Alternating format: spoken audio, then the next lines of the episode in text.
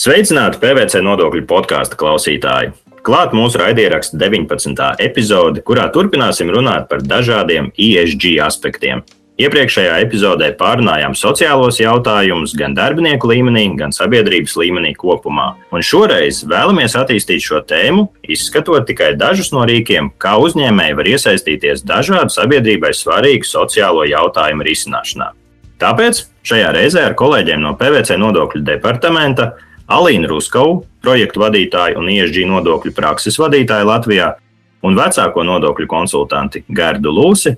Konkrētāk runāsim par sabiedriskā labuma organizācijām un sociālajiem uzņēmumiem Latvijā. Labdien, Alīna un Gerda! Prieks jūs sveikt mūsu podkāstā! Labdien! Labdien! Sarunas ievadā noskaidrosim vairāk par sabiedriskā labuma organizācijām. Alīna, Lūkšu tev viesu skaidrību, kas ir sabiedriskā labuma organizācijas un ar ko tās atšķiras no parasta uzņēmuma. Bieži vien cilvēki, ar ko es komunicēju, viņi nesaprot šo atšķirību no sabiedriskā labuma organizācijas, ja es atļaušos teikt arī saīsināti SLO, no parasta uzņēmuma. Īstenībā tā atšķirība pēc būtības ir darbības mērķi, jo jebkura uzņēmuma un vispār jebkura uzņēmēja darbībai primāri tomēr ir komerciāls mērķis. Tas ir veikt saimniecisko darbību un gūt peļņu. Sabiedriskā labuma organizācijām savukārt ir pavisam cits mērķis. SLO darbībai ir jāsniedz nozīmīgu labumu sabiedrībai vai kādai fokusgrupai vai kādai sabiedrības daļai. It sevišķi, ja tā ir vērsta uz labdarību, citas svarīgas jomas, kā piemēram cilvēku tiesību un individu tiesību aizsardzība, pilsoniskas sabiedrības attīstība. Ļoti svarīga ir, protams, izglītības un zinātnes joma un kultūras un veselības joma, kā arī citas jomas, ko definēs Finanšu ministrija. Tātad šīs sabiedrībai svarīga loma un šāda SLO definīcija ir noteikta sabiedriskā labuma organizāciju likumā, kas īstenībā jau eksistē diezgan sen, tas ir kopš 2004. Eh, gada. Sabiedriskā labuma organizācijas reģistrējas valsts dienestā, speciāli lai saņemtu šo statusu. Un, lai mūsu klausītāji labāk saprastu, kas ir šie SLO, es, piemēram, vajadzībām nosaukšu dažas un pastāstīšu, kādi ir viņu mērķi. Jo, lai reģistrētos par SLO, šai organizācijai ir jādefinē savi mērķi statūtos, un tiem mērķiem, protams, ir jāatbild vienai no tām nozīmīgām, teiksim, labuma grupām, ko es iepriekš pieminēju. Es domāju, neviens nebūs pārsteigts, ja es nosaukšu fondu Ziedot LV kā viena no šādām SLO šim fondam, kā piemēram, viens no mērķiem ir veicināt pozitīvas sociālas izmaiņas Latvijā, iesaistīt sabiedrību aktuālu problēmu risināšanā. Kā citu piemēru, es gribētu nosaukt nodibinājumu centrs Dārdedze, kuram arī ir publiski pieejama informācija par viņu mērķiem. Viņu mērķis ir sadarbojoties ar dažādu nozaru speciālistiem un organizācijām, sniegt atbalstu bērniem un viņu ģimenēm krīzes situācijās. Tātad SLO ir jābūt šādiem, es teiktu, drīkstu teikt, cēliem mērķiem. Mērķi ir jādefinē, kā es teicu, un tad var pieteikties šim statusam. Kāpēc vispār nepieciešams šāds organizācijas status? Es nevarētu teikt, ka administratīvi vai nodokļu ziņā SLO ir kāds teiksim, ļoti izteikti labvēlīgs režīms. Bet šis speciālais status palīdz piesaistīt finansējumu un palīdz piesaistīt ziedotājus, lai SLO būtu finanšu līdzekļi pildīt šos savus mērķus. Un ziedotāju piesaistīšanu veicina šis speciālais status kopsakarā ar Latvijas nodokļu regulējumu. Piemēram, vispārīgā kārtā, ja uzņēmums, es runāju par visiem uzņēmumiem, maksā ziedojumu, tad šīs izmaksas tiek uzskaitītas ar saimniecisko darbību nesaistītu izdevumu. Savukārt, ja tu ziedo sabiedriskā labuma organizācijai, tad UIN likums pārēc nodokļu atvieglojumus. Tātad šīs izmaksas daļai nebūs uzskatāmas par saimniecisko darbību nesaistītām. Un arī fiziskajām personām, un ar šo iespējams arī mūsu klausītāji ir saskārušies, ir paredzēti nodokļu atvieglojumi, veicot ziedojumu sabiedriskā labuma organizācijai. Mēs savus ziedojumus, līdzīgi kā mēs deklarācijai pievienojam informāciju par medicīnas izdevumiem. Līdzīgi ir ar ziedojumiem un ziedojumiem tieši sabiedriskā labuma organizācijām. Tad mēs varam saņemt nodokļu pārmaksu uh, no šīs ziedojuma summas. Alīna iepriekš minēja, ka SLO mērķis nav komercdarbības veikšana. Vai es pareizi saprotu, ka sabiedriskā labuma organizācija nemaz nevar veikt komercdarbību? Es gribētu paskaidrot, ka tāda ierobežota komercdarbība ir atļauta. Likumā noteikti nav pateikts, ka tu kā sabiedriskā labuma organizācija vispār nedrīkst veikt komercdarbību tomēr ir ierobežojums, kā ieņēmumiem no komercdarbības nedrīkst eh, pārsniegt pusi no apgrozījuma. Tādā gadījumā šis īpašais status tiek zaudēts. Ja SLO sāk veikt eh, šo ierobežoto komercdarbību, tad pirms uzsākt veikt ar PVN apliekumus darījumus ir jāreģistrējas eh, VIT PVN maksātāju reģistrā.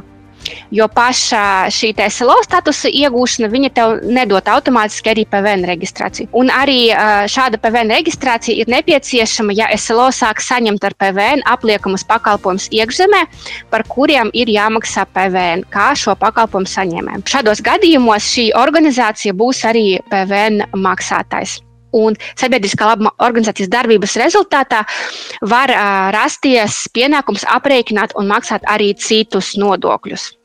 Apkopojot šo, tātad uh, SLO var veikt komercdarbību, bet ierobežoti. Un, attiecīgi, ja tev jau komercdarbība, teiksim, sokās un tā um, procentu ziņā ir vairāk par 50% no apgrozījuma, tad uh, ir jāaizdomājas par šīs komercdarbības teikt, pārcelšanu, ja pārnešanu uz uh, citu personu, piemēram, kapitāla sabiedrību. Ja, ja tu negribi pazaudēt šo SLO statusu.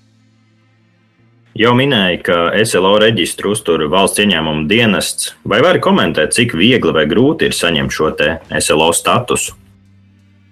Protams, tas ir tāds no vienas puses jautājums no prakses, uz ko eh, vislabāk varētu atbildēt valsts ieņēmuma dienests. Taču ņemot vērā, ka mums ir sadarbības pieredze ar šādām sabiedriskā labuma organizācijām, varu komentēt, ka Latvijā no vienas puses šo statusu iegūt ir diezgan vienkārši, jo nevalstiskajai organizācijai, kas pretendē uz SLO statusu, ir jādarbojas noteiktajās sabiedriskā labuma jomās, kuras es iepriekš pieminēju, piemēram, izglītība, vai kultūra, vai veselība, un SLO ir jādefinē mērķi kuri izriet no organizācijas statūtiem. Un mans vērtējums ir, ka praksē pārējais, kad tu jau sagatavoji statūtus, definēs mērķus, pārējais ir vairāk formalitātes, plus neliela komunikācija ar vidu. Man ir pieredze, ka Rietumē Eiropas, ja vecās Eiropas valstīs īpašam statusam, kas ir analoģisks SLO, manuprāt, pieiet nedaudz nopietnāk. Tas ir, lai iegūtu SLO statusu, organizācijā jau jādarbojas vismaz gadu, piemēram, ja, un ir uh, jāiziet speciāls finanšu audits, kura rezultātā tātad auditori izsniedz slēdzienu un apstiprina, ka organizācijas saņemtie ziedojumi vai granti patiešām tiek iztērēti pieteiktajiem mērķiem, nevis biedru un šo nodibinātāju pašu kaut kādām personīgajām interesēm un personīgajām kopējām mērķam. Sākumā es teicu, ka par SLO, manuprāt, tiksim, reģistrēties ir diezgan viegli, bet es gribētu arī uzteikt, ka valsts dienests no otras puses ļoti aktīvi strādā ar sabiedriskā labuma organizācijām, teiksim, lai tikai patiesās situācijās, kad organizācija kvalificē šim statusam, tikai tādā arī tas status tiktu iegūts. Un šis mans secinājums ir balstīts uz Finanšu ministrijas publicēto pārskatu par SLO darbību 2020. gadā ir jāsaka, ka līdz 2018. gadam, ieskaitot sabiedriskā labuma organizāciju skaits, visu laiku pieauga, pieauga. Savukārt no 2019. gada tas jau pakāpeniski katru gadu, nu jau trešo gadu samazinās. Un kā finanšu ministrija skaidro, ka tas ir saistīts tiešām ar šī valsts ieņēmuma dienesta mērķtiecību darbu, skaidrojot, kas ir šīs SLO, kāda ir darbības būtība un kā tev būtu jādarbojas, lai tiešām tu veicini teiksim, labāku situāciju sabiedrībā. Un, attiecīgi, um, kā rezultātā daudzas bijušās SLO ir attiekušās no šī statusa. Bet um, pateikšu arī, ka uh, atsakās ne tikai dēļ tā, ka neatbilst, uh, teiksim, darbība neatbilst bet arī dēļ tā, ka sāk veikt komercdarbību, un komercdarbības ieņēmumi kļūst par lielāko daļu no apgrozījuma. Jā, tas arī ir otrs iemesls. Un ko es vēl gribētu papildus par šo SLO skaitu un vispār nodibinājumiem un biedrībām, gribētu pateikt, ka praksē vidus šādiem nodibinājumiem skatās arī, nu, teikt, iekš ēnu ekonomikas konteksta. Un šeit es nekādā gadījumā nerunāju par tādiem īstiem SLO, bet par, par visām šīm juridiskām formām kopumā. Un šeit es vēlos paskaidrot, ka, piemēram, es pati esmu saskārusies ar situāciju, kad atvedot bērnu uz pulciņu, pirmoreiz man, piemēram, iedot izdruku par sadarbības nosacījumiem, un organizatori pieprasa iestāties biedrībā un par pulciņu maksāt biedra maksu, nevis samaksu par pakalpojumiem. Un arī gadījās, ka, piemēram, par telpu nomu pakalpojumu prasa veikt ziedojumu. Ir pamanāms, ka gan Finanšu ministrija, gan vidi cīnās ar tādām negodprātīgām personām. Un manas prognozes ir, ka šī cīņa ar ēnu ekonomiku, diemžēl, negatīvi atsauksies varbūt arī uz SLO, bet tā ir absolūti nepieciešama. Paldies, Alīna, par šo vērtīgo un izsmeļošo informāciju saistībā ar sabiedriskā labuma organizācijām. Es domāju, ka nu kārta ir pienākusi sociālajiem uzņēmumiem. Gārda, pieļauju, ka tu man piekritīsi, ka nereti cilvēki jauc šos divus terminus - sabiedriskā labuma organizācija un sociālais uzņēmums, uzskatot, ka tas ir viens un tas pats. Bet vai tiešām tas tā ir? Vai tu vari ieviest skaidrību, kas ir sociālais uzņēmums? Jā, paldies. No pieredzes tiešām var apgalvot, ka šie termini tiek nereti jaukti.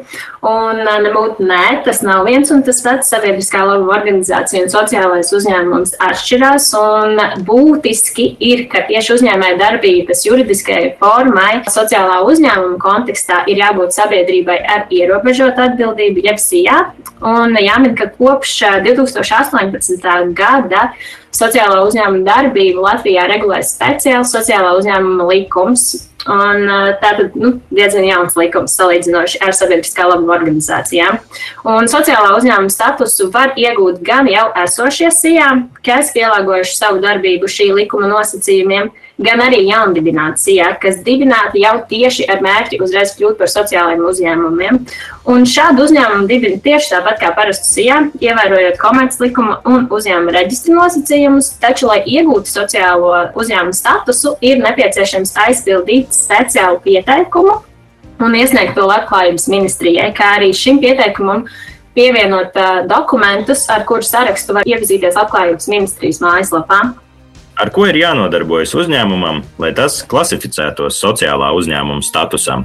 Uzņēmumam ir jāveic tāda saimnieciskā darbība, kas rada nozīmīgu labvēlīgu sociālo ietekmi kādā no trim veidiem. Un pirmais veids ir, ka uzņēmumam ir jānodarbina noteiktu mērķu grupu pārstāvji. Tie ir vismaz 30 vai 50% atkarībā no darbinieku skaita uzņēmumā. Ja uzņēmumā ir virs 10 darbiniekiem, tad 30% no tiem ir jābūt no šīm noteiktajām mērķu grupām, bet ja līdz 10 darbiniekiem, tad 50%. Kā otrais veids ir, ka uzņēmumam ir jāsaka jāsniedz pakalpojumi vai arī jāražo preces šīm minētajām sabiedrības mērķa grupām, kuru dzīvi ietekmējušas sabiedrībai būtiskas problēmas. Šeit arī ir kritērijs par procentiem, un tas ir 30% no kopējā sniegto pakalpojumu apmēra vai sarežģīto preču klāsta ir jābūt mērķētiem tieši uz šīm sabiedrības mērķu grupām. Un trešais veids ir, ka uzņēmums veic citas visai sabiedrībai nozīmīgas darbības, kas kopumā rada ilgstošu pozitīvu sociālo ietekmi. Un šeit var minēt, piemēram, vidas jautājumos, uzņēmums var darboties atbilstoši Eiropas zaļajam kursam, tā ir tā sauktā nulle atkritumu, jeb ja bezatkritumu darbība un tam līdzīgas eh, sabiedrībai kopumā nozīmīgas darbības. Un kādas ir noteiktās sociālā uzņēmuma mērķa grupas? Mērķa grupas eh, nosaka ministru kabinets, analizējot valsts sociālo-ekonomisko stāvokli un tā ietekmi uz atsevišķām personu grupām. Un šobrīd eh, ministru kabineta noteikumos 173 ir kopumā noteiktas 13 mērķa grupas. Šobrīd gan nesauksim visas, aicinām interesantus iepazīties ar minētajiem ministru kabineta noteikumiem, taču informēsim par pāris no tām. Un, kā piemēram, tās ir personas ar invaliditāti, kā arī vecāki vai aizbildnis, kas aprūpē bērnu ar invaliditāti, personas ar garīgi rakstura traucējumiem, kā arī personas ar atkarību problēmām, bāriņi un bez vecāku gādības palikušie bērni vecumā no 15 līdz 24 gadiem, kā arī personas, kurām Latvijas republikā ir piešķirts bēgļa, alternatīvais vai bezvalstnieka status. Tieši minot šo un balstoties uz mainīgo pašreizējo situāciju pasaulē un arī dzen Latvijā, Paredzams, ka arvien vairāk uzņēmumu spēs izpildīt šo kritēriju par attiecīgo mērķu grupu nodarbinātību, tādējādi sniedzot uzņēmumiem iespēju iegūt šo sociālā uzņēmuma statusu un attiecīgi izmantot atbalsta pasākumus. Ja uzņēmums neklasificējas konkrētu mērķu grupu nodarbināšanā, bet klasificējas otrajam kritērijam par pakalpojumu sniegšanu, kādi tieši pakalpojumi ir jāsniedz? Uzņēmumam ir jāsniedz pakalpojumi ar mērķi uzlabot dzīves kvalitāti kādā no minētajām šīm sabiedrības grupām. Un šādi pakalpojumi ir piemēram sociālā aprūpe, veselības aprūpe, izglītības pakalpojumu sniegšana, kā arī dzen speciālo preču ražošana, piemēram, personām ar invaliditāti. Un vai bez minētajiem kritērijiem par saimnieciskās darbības veikšanu ir vēl kādi kritēriji, kur jāizpild uzņēmumam, lai iegūtu sociālā uzņēmuma statusu?